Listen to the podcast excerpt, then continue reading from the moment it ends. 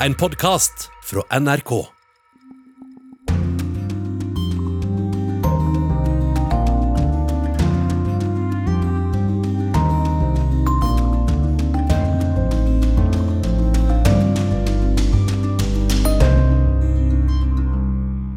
Mange barnefamilier i Ukraina er på flukt vestover i landet av frykt for mulig storkrig. President Vladimir Putin er til stede på en stor øvelse der nye våpensystemer skal testes ut i dag. Verdensledere er samlet til sikkerhetskonferanse i München. Russland glimrer med sitt fravær. Flere enn 1000 kinesiske muslimer har vervet seg til innsats for IS. Vaksinemotstandere i Frankrike mener de blir grovt diskriminert av myndighetene. Og vi skal høre at det er stor interesse for vintersport i Kina i kjølvannet av OL. En mann i 60-årene går bakover på hockeyskøyter mens han gliser brett. Wang Jimin tror òg at OL har smitta over på folk sin glede over vintersport. Korrespondentbrevet er fra Jan Espen Kruse i Moskva, og vi skal også til Nord-Irland i denne neste timen. Vel møtt til Urix på lørdag med Dag Bredvei i studio. Vi starter vest i Ukraina. I byen Elviv er det kommet mange barnefamilier. De føler seg tryggere der enn øst i landet. Og du er i denne byen, europakorrespondent Roger Severin Bruland. Hva sier folk du har snakket med? Ja, jeg snakker jo bl.a. med amerikanske diplomater som har kommet til byen, for de mener hovedstaden ikke er trygg nok. Og samtidig med det så kom det også en barnefamilie fra eh, østover i landet som lurte på hvordan kan vi få søke om visum til eh, USA. Denne byen på grensa til Polen blir jo nå sett på som en slags eh, trygg havn i et ellers usikkert land, eller iallfall et land med ei utrygg framtid. Eh, lederen for den amerikanske ambassaden sa jo til meg i går at eh, vi kan ikke utelukke at eh, kanskje hovedstaden i Ukraina kan bli bomba i sammenheng med en eller annen slags russisk offensiv. Så det er klart at det er mange i Lviv som nå går rundt med klump i magen og er veldig urolige for hva framtida vil bringe. Eh, på hvilken måte forbereder denne byen seg til å ta imot landsmenn som søker beskyttelse der? Jeg snakka med borgermesteren, og han legger jo til rette nå for i alle fall 10 000 sengeplasser. Litt sånn som under Krim-krisa, sa han. Samtidig så må de jo dra fram alle kriseplaner. De må jo ha plan B for hvis strømmen går, hvis en mister vannet. Eh, en driver også og lærer opp befolkninga i førstehjelp. En gjør klar eh, bomberom. En eh, driver med øvelser for Heimevernet. Så du kan si at byen mobiliserer for en større konflikt. Og så håper de selvfølgelig at diplomatiet vil sigre til slutt. Da russiske styrker tok Krimhalvøya fra Ukraina i 2014, var det 10 000 som søkte tilflukt i Elviv. Og eh, Så det er en tilsvarende situasjon nå? Ja, de planlegger for en eh, tilsvarende og kanskje større situasjon. Det er nå eh, fulle hotell her i Lviv, og også mange som drar inn i Polen. Iallfall de som har mulighet til det, som har venner og, og slekt der. Og det er organisasjoner også som står klar til å hjelpe der. Polen blir jo et slags førstelinje land her. Og så ser vi også at mange hjelpeorganisasjoner, internasjonale organisasjoner, bruker Lviv som en slags eh, base, for en føler det at iallfall i en første ledd av en mulig russisk invasjon, så vil ikke Lviv bli, bli så råka som, som, resten av eh, landet. Så det er klart vi er, vi er jo faktisk bare en dagstur fra Berlin. Det er veldig nært oss, dette her. og nervene er i eh, høgspenn. Eh, vi har også med oss Jan Espen Kruse i Moskva. og Går livet sitt eh, vante gang i den russiske hovedstaden, eller preger faren for krig også moskovittene?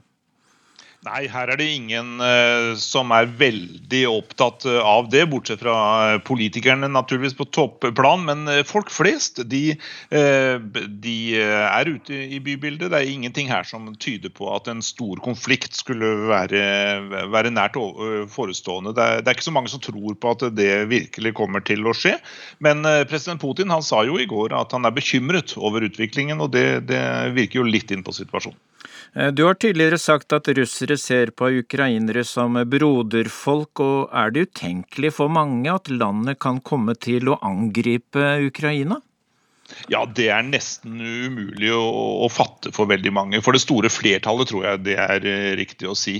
Uh, man, man, ser på ukrainerne som så nære, med så uh, store felles røtter røtter opp gjennom historien. At uh, man, man, veldig mange tror at det er uh, at myndighetene, russiske myndigheter driver og presser Vesten og Ukraina, men at det skal komme så langt som til et angrep, det er det veldig få som tror.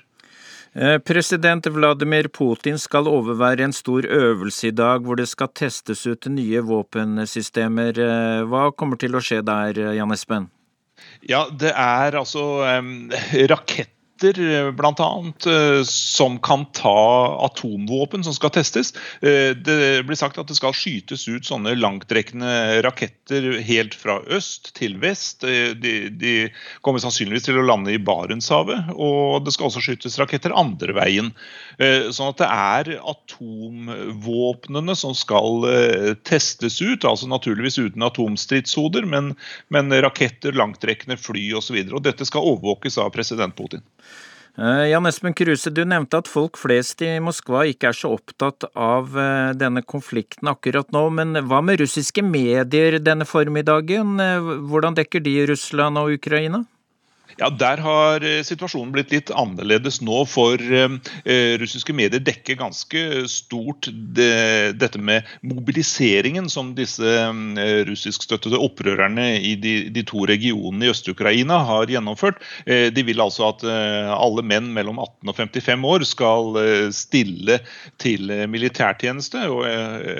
Og de vil også at veldig mange skal evakueres ut fra disse regionene landet til, eh, over til russisk side. Eh, sånn at det er satt i gang busstransport, togtransport og masse privattransport også. Eh, og de, de lokale, disse opprørerne, de hevder at Ukraina kan komme til å angripe når som helst. Sånn at det er for så vidt det motsatte bildet som serveres her, i forhold til det som kommer i vestlige medier. Vi skal snart snakke med kollega Tvegård, som er i München på den årlige sikkerhetskonferansen, og Russland glimrer med sitt fravær der. Er det gitt noen offisiell begrunnelse fra russisk side for at utenriksministeren ikke drar dit? Ja, eh, Det russiske utenriksdepartementet sier at eh, denne konferansen er fullstendig ensidig. Den er ikke objektiv i det hele tatt. Eh, det er kun vestlige interesser som tas hensyn til der. og Derfor er det ikke noe poeng for Russland å delta på konferansen. og Det er faktisk første gang på veldig mange år, så det sier jo en god del om hvor dårlig forholdet er mellom Russland og Vesten, også sett fra russisk side. Takk skal dere ha, Jan Espen Kruse i Moskva og Roger Severin Bruland i Elviv i Ukraina. Ukraina er selvsagt tema på sikkerhetskonferansen som pågår i München denne helgen, og der er du reporter Anders Tvegård, og hvem er til stede der? Altså, dette er jo det Davos er for finanstopper. En elitesamling med folk opptatt av sikkerhetspolitikk. Det er regjeringssjefer, diplomater, militære, andre fagfolk fra flere verdensdeler. Irans utenriksminister er her. Den saudiarabiske den kinesiske deltar via nett. Ehm, det meste er jo lukket, og det er jo enda strengere i år pga. pandemien. Men ehm, i dag, i formiddag, så står Ukrainas leder, Nato-sjefen, USAs visepresident og EU-presidenten på scenen og holder innlegg som overføres ut av hotellet som de er samlet på. Som vi hørte fra en Espen Kruse i Moskva, så Russlands utenriksminister Lavrov pleier å være til stede, men ikke i år. Og det har du snakket med vår utenriksminister om? Ja, det legges jo merke til eh, at russerne ikke sender noen. Det er eh, første gang på flere år at eh, russerne uteblir fra dette helgeseminaret. Og da mister de jo også en mulighet til mer uformell dialog. For dette er jo et sted der ledere møtes uten mange rådgivere på slep. Og mm, Norge er jo blant dem som beklager at russerne uteblir. Hør hva utenriksminister Annike Huitfeldt sa. Ja, Det er jo synd de ikke er her. For dette er en veldig viktig møteplass. Og jeg tror jo på møte mellom folk. Jeg mener at det bidrar positivt i en verden som blir mer polarisert. Eh, men de må ta sine egne beslutninger. Russland har lovet en delvis tilbaketrekking fra Ukraina. Etterretningen som USA og Norge kommer med, eh, viser noe annet. Hvem skal vi stole på? De har kommet med positive signaler, men vi har ikke sett noen endringer på bakken. Og Det er først når vi ser reell militær deeskalering at vi kan se om de virkelig mener alvor. Hvordan ser du på uh, den krisa i dag, det er fredag? Jeg er bekymra fortsatt. Vi ser jo ikke endringer på bakken. Vi ser det er uh, veldig mange soldater, veldig mye militære kapasiteter. Så jeg er urolig, ja. Har, hvorfor vil Russland angripe eller true med å angripe uh, Ukraina? Ja, Det er vanskelig å se at det er uh, rasjonelt. Russland vil jo tjene på mer handel med Europa, vil tjene på mer samarbeid og et godt forhold til sine naboland. Så hva som er Russlands motiv, det er vanskelig å forstå. Ja, Anders Tvegård, hva kan komme ut av møtet om den pågående konflikten, tror du? Altså Her er jo eh, beslutningstakere, og når um, russerne uteblir, så gjør nok det at de allierte samler seg enda mer. De får koordinert budskap uh, uten da for mange motforestillinger. Men dette er ingen konferanse som jobber mot en uh, slutterklæring. Dette er mer en arena for å bygge tillit og, og sterkere bånd. Uh, det som har kommet ut i formiddag, er at det fortsatt ikke er tegn til russisk nedtrapping eller tilbaketrekking. Carl Bildt, tidligere svensk statsminister, sier f.eks. at vurderingen nå er at Russland har 125 bataljoner med kampstyrker rundt Ukrainas grenser, og det er en Eh, det er tre fjerdedeler av den russiske Eh, hæren. Ikke ment for en liten invasjon, men fullskala krig, mener han. Eh, ballen ligger på russisk side, sier andre. Det er russerne som bestemmer eh, veien videre. Jens Stoltenberg han sa at det ikke er for sent å få til en diplomatisk løsning, men foreløpig er det bare opprustning han ser. Mens Tysklands forbundskansler kommer med advarsler og kaller det et um, feilgrep, en, en, feilvurdering om russerne invaderer. Et feiltrinn med politiske, økonomiske og geostrategiske kostnader, sier Olaf Scholz. Ja, Det er klart at Ukraina dominerer denne sikkerhetskonferansen, Tvegård, men hvilke andre temaer er det plass til der? Ja, det er jo en rekke konflikter som tas opp her. Irans atomprogram. Her er det håp om bevegelse, en ny start med USA på laget. Eh, Sahel-regionen står på programmet matsikkerhet. Hvordan reagere på den neste pandemien digital krigføring. Det har vært et møte om Natos atomvåpenframtid. Men det er Ukraina som eh, overskygger, og i dag møtes også utenriksministrene i G7-landene. Det er jo um, gruppa land med verdens mest eh, utviklede økonomier. De møtes på sidelinje her i München for å koordinere seg og utveksle synspunkter på hvordan de skal møte trusselen fra Russland dersom det blir en invasjon. F.eks. så er EU visstnok um, ferdig med sin pakke eller liste over nye straffetiltak som skal aktiveres dersom eh, Russland eh, ikke snur. Og, slike ting så får de jo da forankret og snakket seg igjennom her. Men så er det da denne uformelle arenaen med, med korridormøter, og, og, at man kan sitte utover sene nattetimer og, og bli bedre kjent og diskutere sikkerhetspolitikk. Vår klima- og miljøvernminister Barth Eide er der, men ikke vår forsvarsminister. Han endret planene, Tvegård?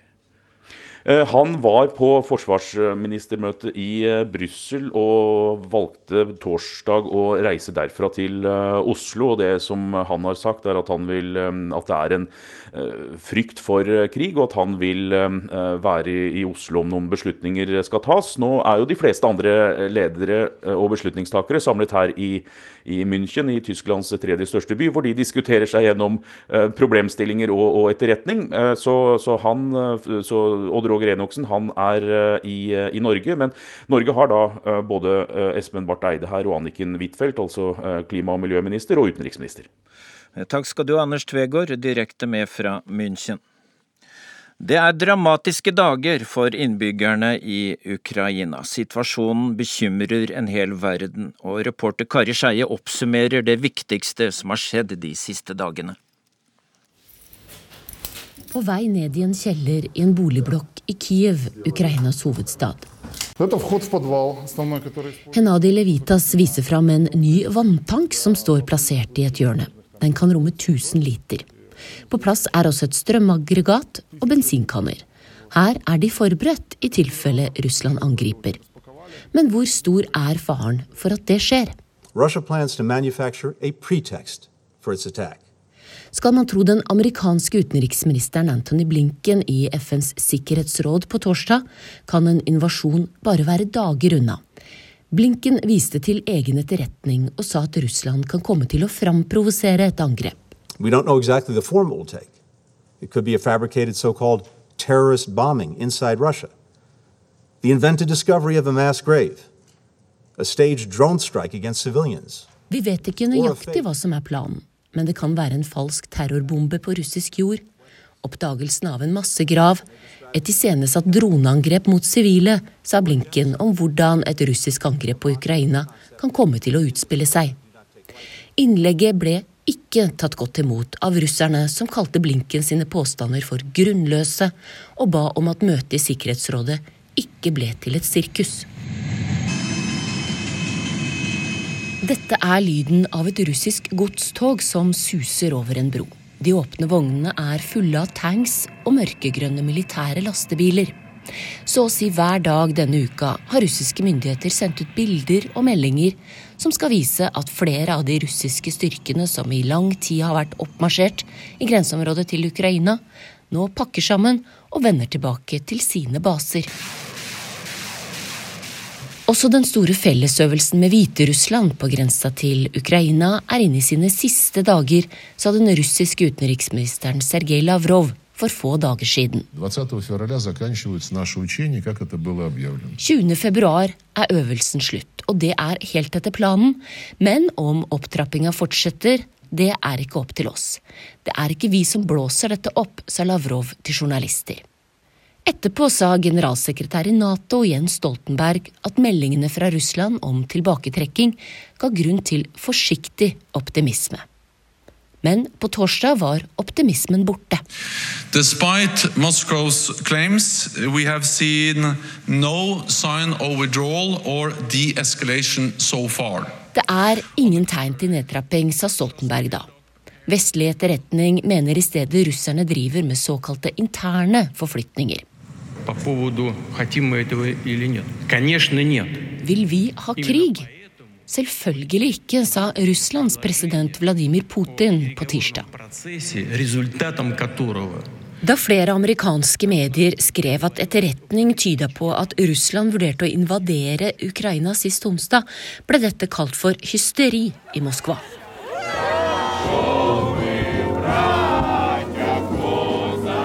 Det kom ingen invasjon onsdag. I stedet markerte ukrainere den nye samholdsdagen som presidenten hadde kunngjort dagen før. For mange ukrainere starta dermed onsdagen med flaggheising og synging av nasjonalsangen.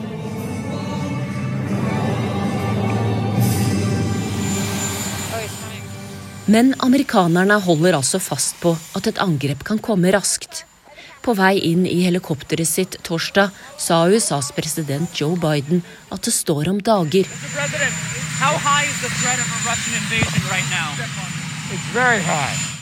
Og mens de amerikanske advarslene er trappa opp, er russerne langt fra fornøyd. De har fortsatt ikke fått gjennomslag for kravet om at Ukraina aldri skal bli medlem av Nato. I tillegg krever de at alle amerikanske styrker må trekke seg helt ut av Øst- og Sentral-Europa og Baltikum. Hvis ikke blir russerne tvunget til å svare, ifølge det russiske utenriksdepartementet. I Kiev teiper Igor Molodan vinduet for at glass ikke skal blåse inn i leiligheten ved et angrep. Og mens enkelte ukrainere forbereder seg, fortsetter spillet rundt Ukraina med Russland og USA i hovedrollene. Det som skjer, skaper uro og frykt i flere av Russlands naboland, ikke minst i de tre baltiske landene. Estlands statsminister Kaja Kallas advarer Nato mot å gi etter for noe av det Russland krever. Hun frykter at det vil føre til at Putin kan finne på å stille ultimatum også til andre land. Then you give a clear signal that this kind of threatening, presenting ultimatums at gunpoint really works. So there's no um, no uh, signal that uh, that this is not awarded, which means that the next time they will go even further. Uh, I think he's clearly enjoying himself being in the center of attention of the West as well, because uh, there were years when he was maybe somewhat looked over. Ja, statsministeren i Estland sier at dersom russerne ser at ultimatum og trusler fører frem, kan de gjøre det samme mot andre. Hun sier også at Putin nyter å være midtpunkt for verdens oppmerksomhet, fordi tidligere ble han oversett. Og oberstløytnant og forskningsleder på stabsskolen ved Forsvarets høgskole Tormod Heier, du hørte Estlands statsminister her, og har lederne i de baltiske landene grunn til å være engstelige nå?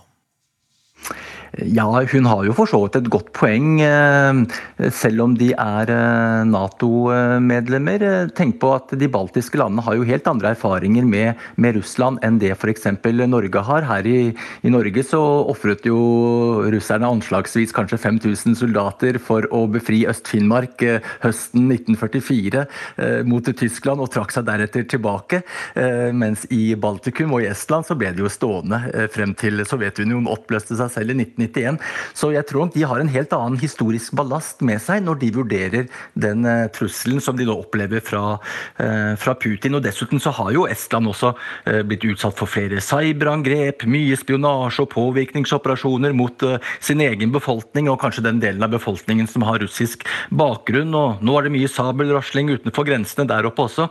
Så de nok, har grunn til å være bekymret, men det de nok er mest bekymret for, det tror jeg er om um, Russland og USA skulle eventuelt inngå en uh, avtale seg imellom om uh, hvordan de skal håndtere krisen, noe som kanskje kan legge begrensninger på de andre små Nato-landene. Og det vil selvfølgelig ikke disse baltiske landene. Nei, for de er jo Nato-medlemmer, og de vet at et angrep på dem vil utløse artikkel 5, men likevel så er de engstelige. Ja, de er det. Og grunnen til det tror jeg er erfaringene fra den russiske Krim-anneksjonen i 2014. For da eh, så Baltikum, og polakker og nordmenn, at eh, store deler av Ukraina, altså hele Krimhalvøya, ble jo tatt fra Ukraina og innlemmet inn i Russland uten at det ble avfyrt et eneste skudd. Og denne formen for krigføring, som vi kanskje kan kalle for litt sånn hybrid krigføring, det er jo noe som eh, gjorde at det gikk kaldt nedover ryggen på de baltiske medlemmene. Tenk hvis Nato ikke utløser artikkel 5, hvis det skulle skje noe lignende på deres egne territorier. Eh, Baltikum de henvendte seg jo til Nato for å be om å få eh, styrker inn i sine egne land etter 2014, og jammen meg måtte de vente i nesten et halvt år før det skjedde. Og det er jo veldig skremmende sett med baltiske eller polske øyne. Eh, og det er nok en av grunnene til at eh, mye av det forsvarssamarbeidet som eh, Baltikum gjør i dag, det går mye heller direkte mot USA i mer sånne bilaterale kanaler, for da skjer det kjappere enn å måtte gå igjennom en Nato-allianse med 30 vidt forskjellige Nato-medlemmer. Vi ser at USA fortsetter å gi detaljert etterretningsinformasjon, og amerikanerne mener det kan eventuelt hindre et russisk angrep. Men eh, du er kritisk til den strategien, og hvorfor det, Heier? Jo, det er fordi at eh, denne formen for krisehåndtering som vi i dag eh, ser utspille seg i Europa, den forutsetter én ting, nemlig at pasienten må stabiliseres. Og pasientene i denne sammenheng, det er de grenseområdene som er rundt uh, Ukraina. Og der ligger det allerede et dypt lag av frykt som uh, Putin møysommelig har bygget opp de senere ukene og månedene gjennom sin militære styrkeoppbygging. Så hvis det nå i tillegg skal legges på et nytt lag med frykt fra vestlige myndigheter, som hauser opp stemningen med masse etterretningsinformasjon om at nå er det like før det smeller, da kan det faktisk virke mot sin hensikt. Og det er fordi Alle parter blir enda mer redde, og da forsvinner disse veldig viktige kanalene for dialog og tillitsskapende arbeid som gjør at man kanskje klarer å forebygge misforståelser og feiltolkninger som veldig lett kan komme ut av kontroll og gjøre at situasjonen eskalerer. Og I tillegg så vil jo ukrainske ledere nå oppleve at eh, millioner av egne innbyggere blir enda mer nervøse og dermed mye mer tilbøyelige til å bli skremt også av russiske påvirkningsoperasjoner. Og da får de enda større problemer i sitt eget land. Eh, mange tidligere republikker fra det gamle Sovjetunionen er Nato-medlemmer. I tillegg har du andre land i Øst-Europa som var med i Warszawapakten, som nå er i Nato. Og gikk Nato for raskt fram i sin tid med å ta inn disse landene som medlemmer? Ja, det er også litt avhengig av hvem man spør. Hvis du f.eks. spør de som bor i Polen og i Baltikum, eller for så vidt i USA og Storbritannia, så vil de nok ganske sikkert si nei. Nato-utvidelsen eh, gikk akkurat sånn som den skulle, slik at man fikk fylt det vakuumet som oppsto i Europa da Sovjetunionen kollapset, og at man fikk eh, knyttet disse nye, unge nasjonene i sentrale Øst-Europa inn i det demokratiske, liberale verdier verdifellesskapet som Nato står for. Men hvis du spør en del Nato-land som ligger lenger bort fra Russland, f.eks. Tyskland og Frankrike, og til en viss grad også Norge, så vil du se at de var mye mer skeptiske til denne raske Nato-utvidelsen. Eh, fordi man bl.a. var redd for at Nato da skulle få problemer med å ta raske beslutninger, og at eh, operasjonene ikke lenger bare ville fokusere på territorielle artikkel 5-operasjoner. Og ikke minst så var man også bekymret for at dette ville fremprovosere russiske motreaksjoner, noe som betød at stabiliteten i Europa ikke nødvendigvis ville bli bedre. Så det er litt avhengig av hvem man spør. Tusen takk skal du ha, oberstløytnant og forskningsleder ved Stabsskolen ved Forsvarets høgskole, Tormod Heier.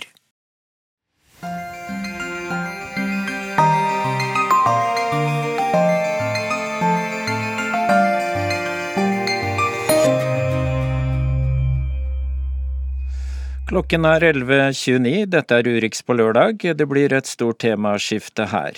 OL i Beijing er i ferd med å avrundes denne helgen. Det har på mange måter vært et helt spesielt OL, uten publikum, med kunstnø, politisk boikott og strenge smitteverntiltak i forhold til covid-19. Hvordan gikk det med kinesernes entusiasme rundt det hele? Vår korrespondent Kjersti Strømmen i Beijing har spurt folk om akkurat det. 嗯，我我原来不滑冰，我对这个冰上运动很恐惧。Før var jeg veldig redd for å gå på skøyter. Jeg torde det ikke. Det er nok fordi vi ikke gjorde det som barn. Men nå, pga. OL, er vi blitt motivert, sier Vicky. 但是他他这么一搞，人人把人的积极性都调动起来了，都出来玩儿。Vi treffer henne på en islagt elv i Beijing. Iført sykkelhjelm, solbriller og knebeskyttere er stilen litt forsiktig foroverlent. Men hun er uten tvil bitt av basillen. Nå er Vicky daglig ute på isen sammen med venner. Lekene har rett og slett gitt oss lyst til å være ute, og nå ser du både eldre folk i 80-årsalderen og små barn som kun er et par år gamle, ute på isen. Ja, da må jo jeg òg bare være med, sier Vicky. Rundt henne snurrer en kamerat rundt og rundt på rustne lengdeløpsskøyter. Han seiler så elegant forbi at han uten tvil har mer erfaring. Noen har altså hatt entusiasmen lenge, men OL har fått med seg flere. Kina sier at det foreløpige målet er nådd. Flere enn 300 millioner kinesere har nå tatt del i vinteridrett. Hva det betyr er litt utydelig, men det er ingen tvil om at landet bruker OL som et springbrett til å få landets pengesterke middelklasse opp i skibakkene og ut på isen. 老百姓、人民群众对体育的热爱，对 OL er ikke nok, mener Vicky. Man kan ikke bare satse på at entusiasmen skal dra lasset. Det må legges mer tyngde inn i det, sånn at det blir en del av hverdagen til folk. At det går inn i blodet, sånn som det er der du kommer fra, sier hun.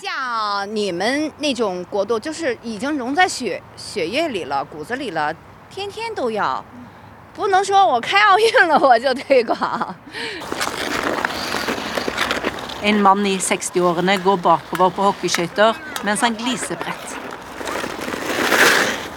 Wang Jimin tror òg at OL har smitta over på folk sin glede over vintersport, men han er ikke så imponert over Kinas prestasjoner i idretten han liker best.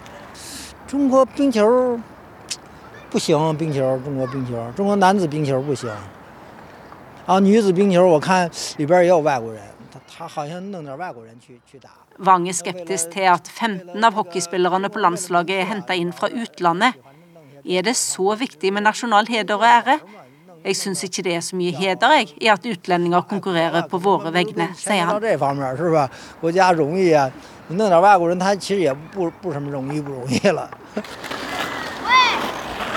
Gao Na Chuan er tolv år og går på hockeyskøyter, han òg. Han er kul med hodeskjerf pryda med tegning av flammer. Han forteller at OL er spennende. 那个我就喜欢那个兴奋劲儿，在那儿那个看看谁赢了。 Pga. smitteverntiltak mot covid får verken han eller andre være publikum, men hver dag er han klistra til TV-skjermen.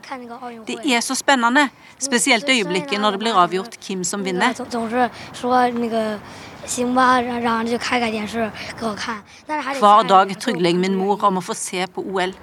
Da nøler hun og sier «Åh, OK, da, og slår på TV-en for meg, men hun passer alltid på klokka og tidspunktet jeg må skru av. Jeg spør om han sjøl kan tenke seg å ta del i OL når han blir voksen. 你长大了以后想参加吗？冬奥会？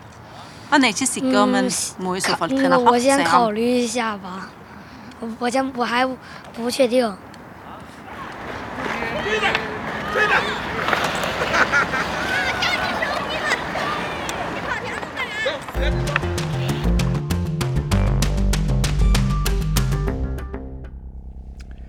Et område på størrelse med Møre og Romsdal skaper igjen trøbbel i forholdet mellom Storbritannia og EU.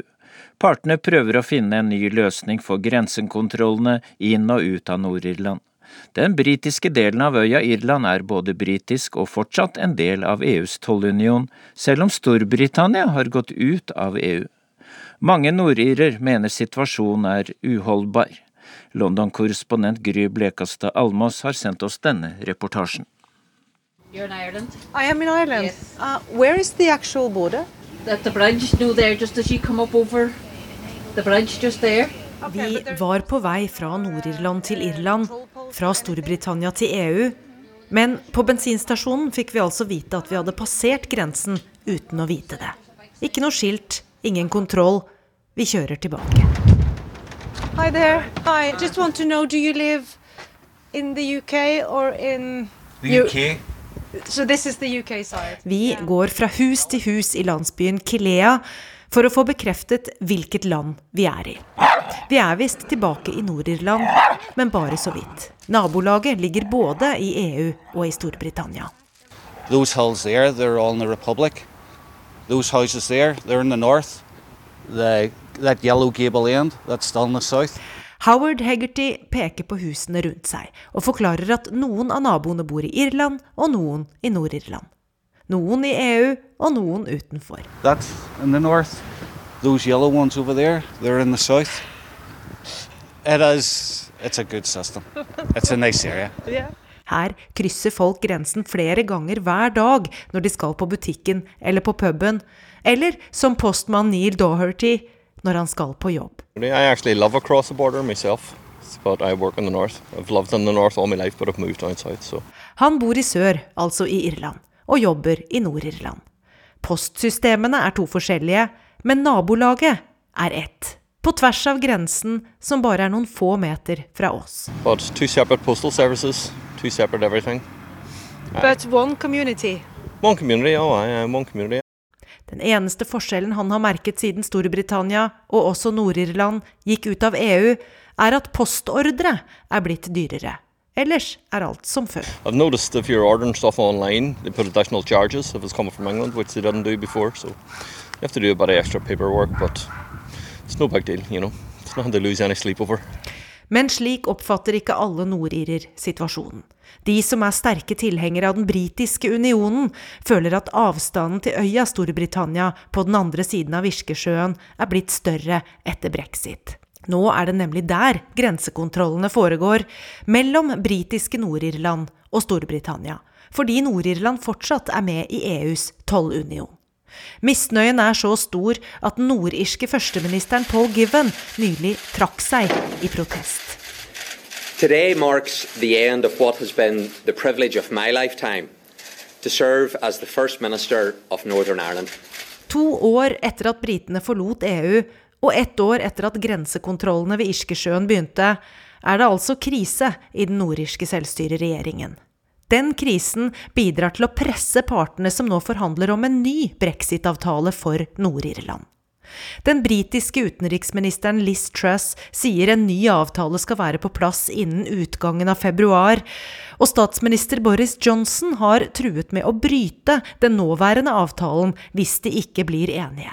Det kan i så fall være starten på en handelskrig med EU. Men hvis de nåværende grensekontrollene skal bort, hvor og hvordan skal de da skje? You can't erect borders out here. You know, you can't have custom posts or checkpoints again. Uh, it just wouldn't work now. It would create some trouble. Um, maybe not as, definitely not as much as it was in the past, but it will create a lot of trouble. Vi kan ikke ha grensekontroller her igjen, sånn som før, sier Howard Hegarty. Han frykter det kan føre til bråk. Og bråk har Nord-Irland hatt før. 30 år med borgerkrig mellom de som ønsket et forent Irland, og de som ville at Nord-Irland skulle bli værende i den britiske unionen, var over på slutten av 1990-tallet.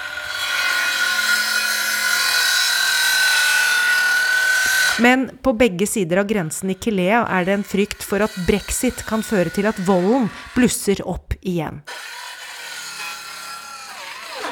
På den irske siden treffer vi bedriftsleder Michael Doherty, som tror fysiske grensekontroller vil gi enkelte et påskudd for nok en gang å ty til vold. Noe han virkelig håper å unngå. I think people would not be happy. You'd probably give excuses to certain people to start violence again. Um, I would hope that would not happen. I don't think nobody wants to go back there again. So I really hope there's never a physical border again. That's, you know, don't even want to think about it. really. It's the worst possible scenario.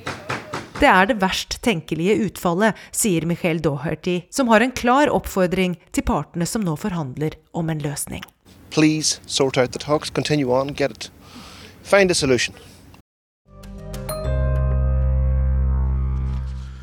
Nå om IS-krigere fra Kina her i Urix på lørdag. Flere enn 1000 kinesiske statsborgere fra Xinjiang-provinsen i nordvest i Kina har reist til Syria for å slåss mot Assad-regimet. De kinesiske statsborgerne kommer fra den muslimske minoritetsgruppen uigurene. I januar ble en uigure drept og en annen ble tatt til fange under et IS-angrep mot et fengsel i Syria. Reporter Mohammed Alayobi har mer.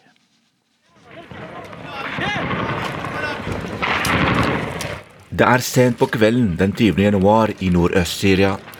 I byen al-Hasaka angriper IS al-Sanaa-fengselet. I fengselet finnes det flere tusen IS-medlemmer. Målet er å sette IS-fangene fri. تعد من أكبر العمليات التي قامت بها منتزقة تنظيم داعش الإرهابي خلال dette er det mest alvorlige angrepet fra IS etter det har blitt nedkjempet i 2019. Det forteller Seman Ali. Han er mediedirektør i den kurdiske militære gruppen YPG.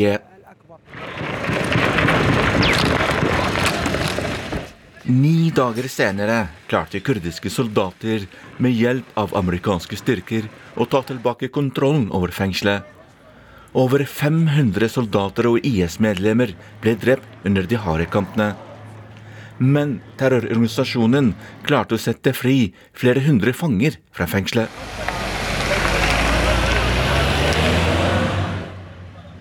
På bakken utenfor ligger det flere drepte fra IS.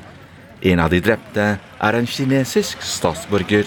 طبعا قتل أحد الإرهابيين من الجنسية الصينية من المهاجمين على سجن الصناعة في En kinesisk statsborger ble drept under angrepet på fengselet, og en annen ble tatt til fange. De kinesiske statsborgere kommer fra et område de kaller Turkistan, nordvest i Kina. Det forteller Farhad al-Shami. Han er leder for mediesenteret til de kurdiske styrkene STF nordøst i Syria, på telefon til NRK.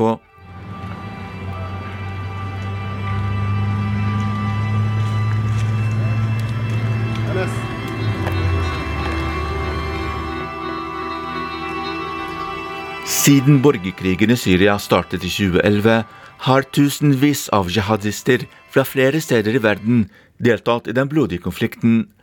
Blant jihadistene som kom, var uigurer fra den kinesiske provinsen Xinjiang nordvest i Kina. Jihadistene er en del av det islamske Tyrkistan-partiet. Bevegelsen kjemper for et uavhengig Turkestan. عمليات الاضطهاد التي تعرضوا لها في في الصين دفعتهم الى الهجره الى افغانستان الى العراق الى سوريا Undertrykkelsen som uigurene blir utsatt for i Kina, presset mange til å reise til Afghanistan, Irak og Syria. De ønsker å ta hevn på land som allierer seg med Kina. Det forteller Fares Faham. Han er forsker på Syria-konflikten og arbeider i Al-Jasur-studier i Tyrkia på telefon til NRK. Det er uvisst hvor mange uigurer som ble med IS, men de aller fleste har kjempet med andre jihadistgrupper i Idlib-provinsen.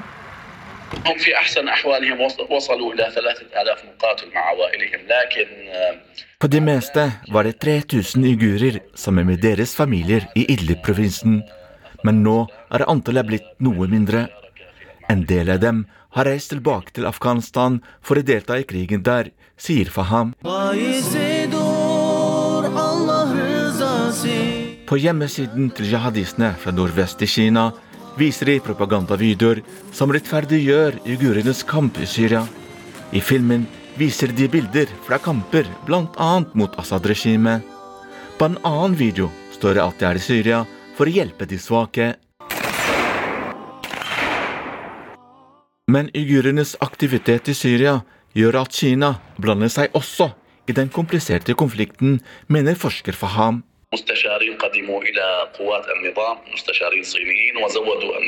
Kinesiske militære rådgivere har kommet til Syria og ga Assad etterretningsinformasjon om jihadistene i Idlib-provinsen, sier Faham til NRK.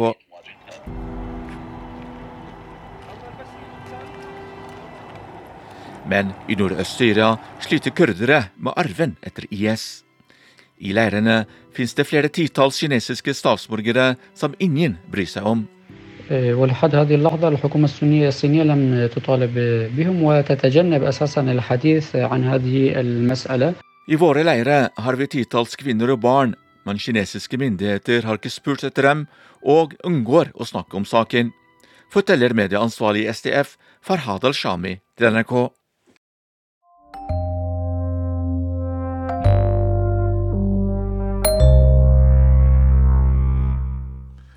Demonstrasjonene mot vaksineplikt i Canada har spredd seg til andre land, inkludert Frankrike.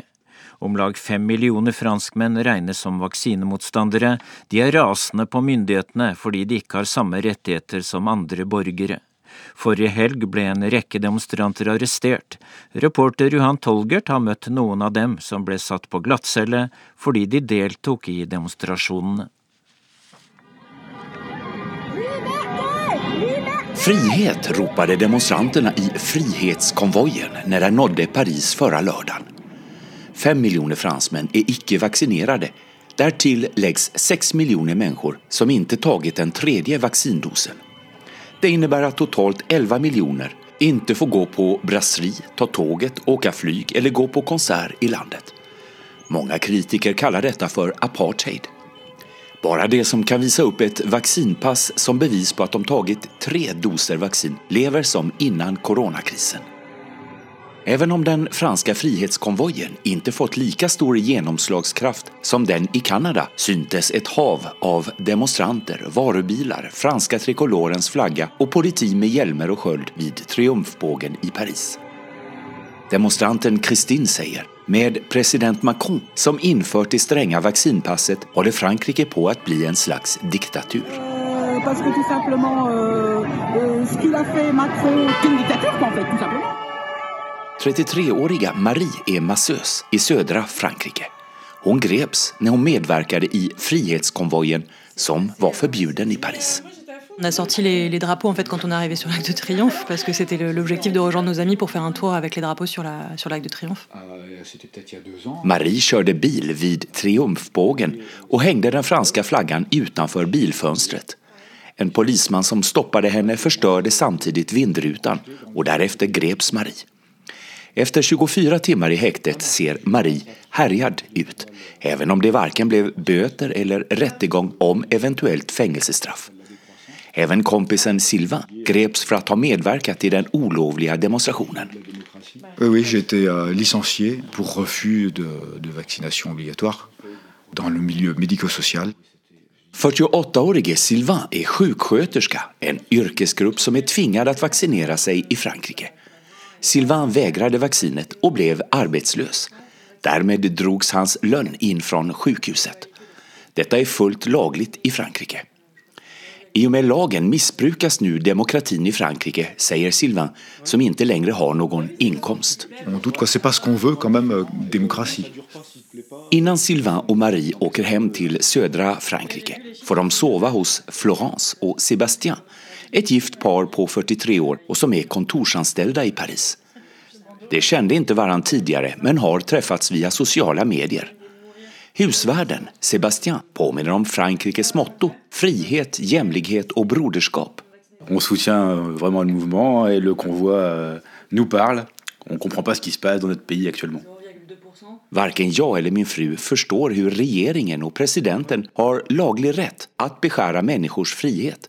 Därför stödjer vi alla rörelser mot vaccinpassen, säger Sebastian. Det är konstigt att inte fler protesterar mot vaccinpasset med tanke på den franska revolutionen för över 200 år sedan, menar frun Florence.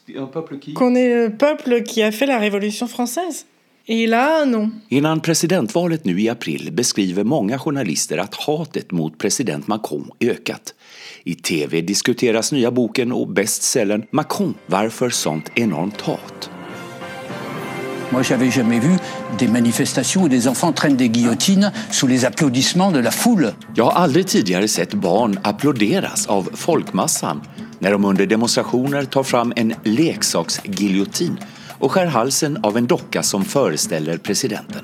Så hatad har aldrig en fransk president varit tidigare, menar en av bokens författare, Nicolas Domenech. J'avais jamais vu tant des lueurs de haine dans les yeux à ce point-là.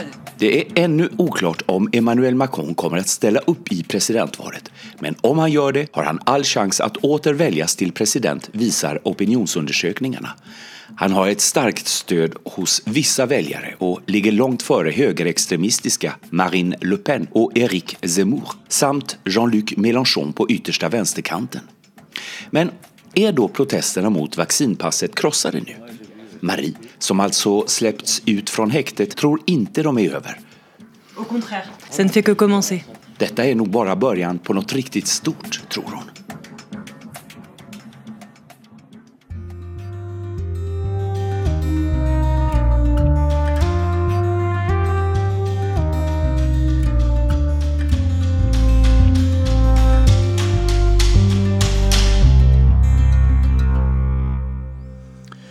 Ukens korrespondentbrev er postlagt i Moskva.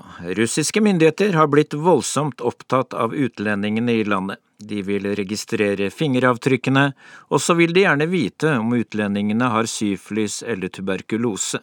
Det forteller vår mann i Moskva, Jan Espen Kruse. Her i Russland har det kommet en ny lov. Den gjelder for alle utlendinger som arbeider i landet. Jeg har jobbet ganske mye med å finne ut hva den i praksis betyr for meg, og jeg kan love deg at det ikke var lett.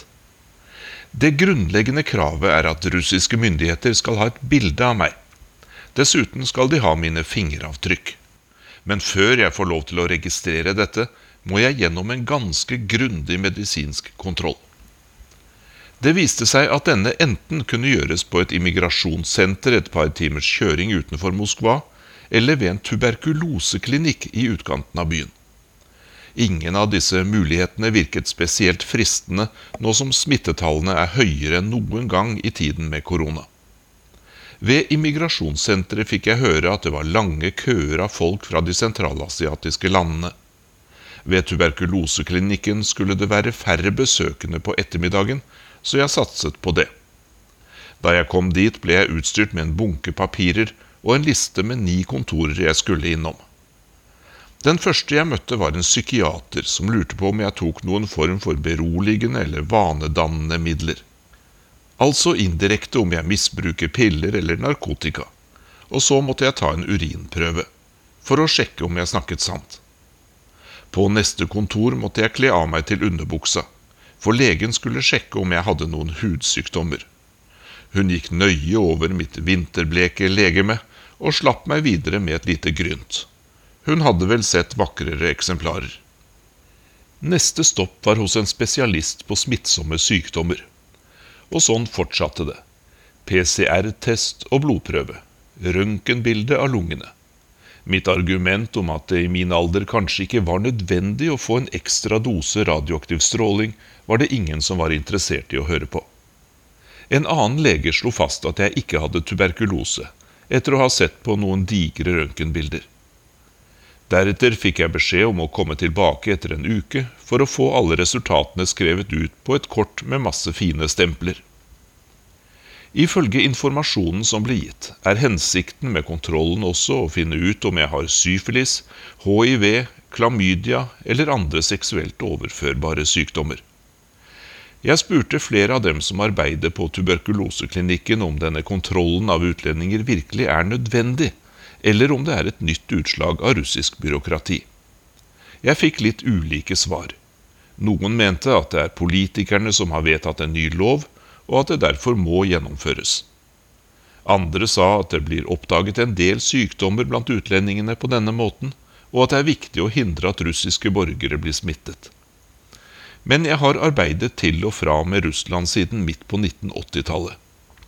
Og det er første gang jeg må gå gjennom en så grundig medisinsk kontroll. Jeg kan ikke helt fri meg fra tanken om at det er noe annet enn omsorg for min helse som ligger under. De siste par årene har holdningene til oss utlendinger blitt ganske kraftig endret her i Russland, etter min mening. De store statlige mediene bruker ord som vestlig, amerikansk og liberal som skjellsord. Mye vestlig innflytelse blir omtalt som noe negativt som truer Russland og russerne. Loven om utenlandske agenter har også virket inn på stemningsskiftet. Medier, organisasjoner og enkeltpersoner som har en kritisk holdning til russiske myndigheter, kan fort havne på denne lista. Det å få økonomisk støtte fra utlandet er mistenkelig i seg selv, mener myndighetene. De slo svært hardt ned på demonstrasjonene som ble holdt til støtte for den fengslede russiske opposisjonspolitikeren Aleksej Navalnyj. Hans organisasjoner ble erklært som ekstremistiske og forbudt. For eksempel er det ikke lenger tillatt å omtale en film som opposisjonspolitikeren og hans medarbeidere laget. Der var temaet et slott ved Svartehavet. Det ble påstått at det ble bygget for president Vladimir Putin. Flere har påpekt at under dette kan ligge en frykt for at vestlige krav om frihet og demokrati skal føre til krav om regimeskifte i Russland. Putin har gjentatte ganger sagt at han vil gjøre alt for å hindre såkalte fargerevolusjoner i flere av de tidligere sovjetrepublikkene. Resultatet av denne politikken har blitt at det meste som er vestlig og utenlandsk, blir sett på med stor mistenksomhet. I min jobb som korrespondent merker jeg det stadig vekk. Det har blitt mye vanskeligere å finne noen som vil la seg intervjue av NRK. Veldig mange sier nei. Noen eksperter sier rett ut at de ikke lenger gir intervjuer til utenlandske journalister av frykt for å få problemer med myndighetene. Hvis temaet vi tar opp innebærer noen grad av kritikk mot russiske myndigheter, er det enda mye vanskeligere å få noen til å stille opp. Det politiske styret i Russland blir stadig mer autoritært, og stadig mer minner om tidligere tider i landets historie. Noen ganger tenker jeg at det er en trist utvikling, og at russerne fortjener så mye bedre. Det store flertallet er interessante og sjenerøse mennesker. Utdanningsnivået er høyt. Og tenk på hvilken kulturhistorie Russland har. Pluss at landet har alle tenkelige ressurser fra naturens side. Russland har alle forutsetninger for å bli et moderne og velstående land som innbyggerne kan trives i og være stolte av. Har så min syfiliskontroll noe å gjøre med den politiske utviklingen i Russland? Vel, det kan jeg ikke akkurat påstå. Men jeg synes denne nye loven om en svært grundig kontroll og registrering av utlendinger som arbeider i Russland, passer ganske godt inn i det store bildet. I hvert fall tenkte jeg det da jeg sto der og tisset i prøveglasset for narkotikatest, og da jeg sto der i underbuksa mens legen lette etter tegn på sykdom rundt om på kroppen min. Heldigvis fant de verken syfilis eller andre skumle sykdommer hos meg. Dermed fikk jeg lov til å registrere både bilde og fingeravtrykk hos politiet. Men jeg kan ikke fri meg fra å spekulere litt på hva russiske politikere og myndigheter vil finne på neste gang. Og det sa Jan Espen Kruse i Moskva. Vi har tid til et par meldinger fra sikkerhetskonferansen som pågår nå i München. Eh, vertsselskapet, forbundskansler Olaf Scholz, sier at Europa igjen kan komme til å oppleve en krig på kontinentet. Og Nato-sjef Jens Stoltenberg sier at Russland har kommet med krav som russerne vet at Nato ikke kan innfri. Nato-sjefen sier eh, videre at hvis Russlands mål var mindre Nato øst i Europa, vil de nå få mer Nato øst i Europa. Det kommer også meldinger om eh, det siste innenfor eh, diplomatiet. Eh, det er meldinger om at president Vladimir Putin og Frankrikes president Emmanuel Macron skal snakke sammen på telefon i morgen. Det kommer også meldinger om at Ukrainas utenriksminister han skal til USA i neste uke og møte Anthony Blinken, USAs utenriksminister, også der. Teknisk ansvarlig for denne sendingen Lisbeth Sellereite, produsent Arild Svabjørg og jeg, Dag Bredvei, takker for følget. Du har hørt en podkast fra NRK. Hør flere podkaster og din favorittkanal i appen NRK Radio.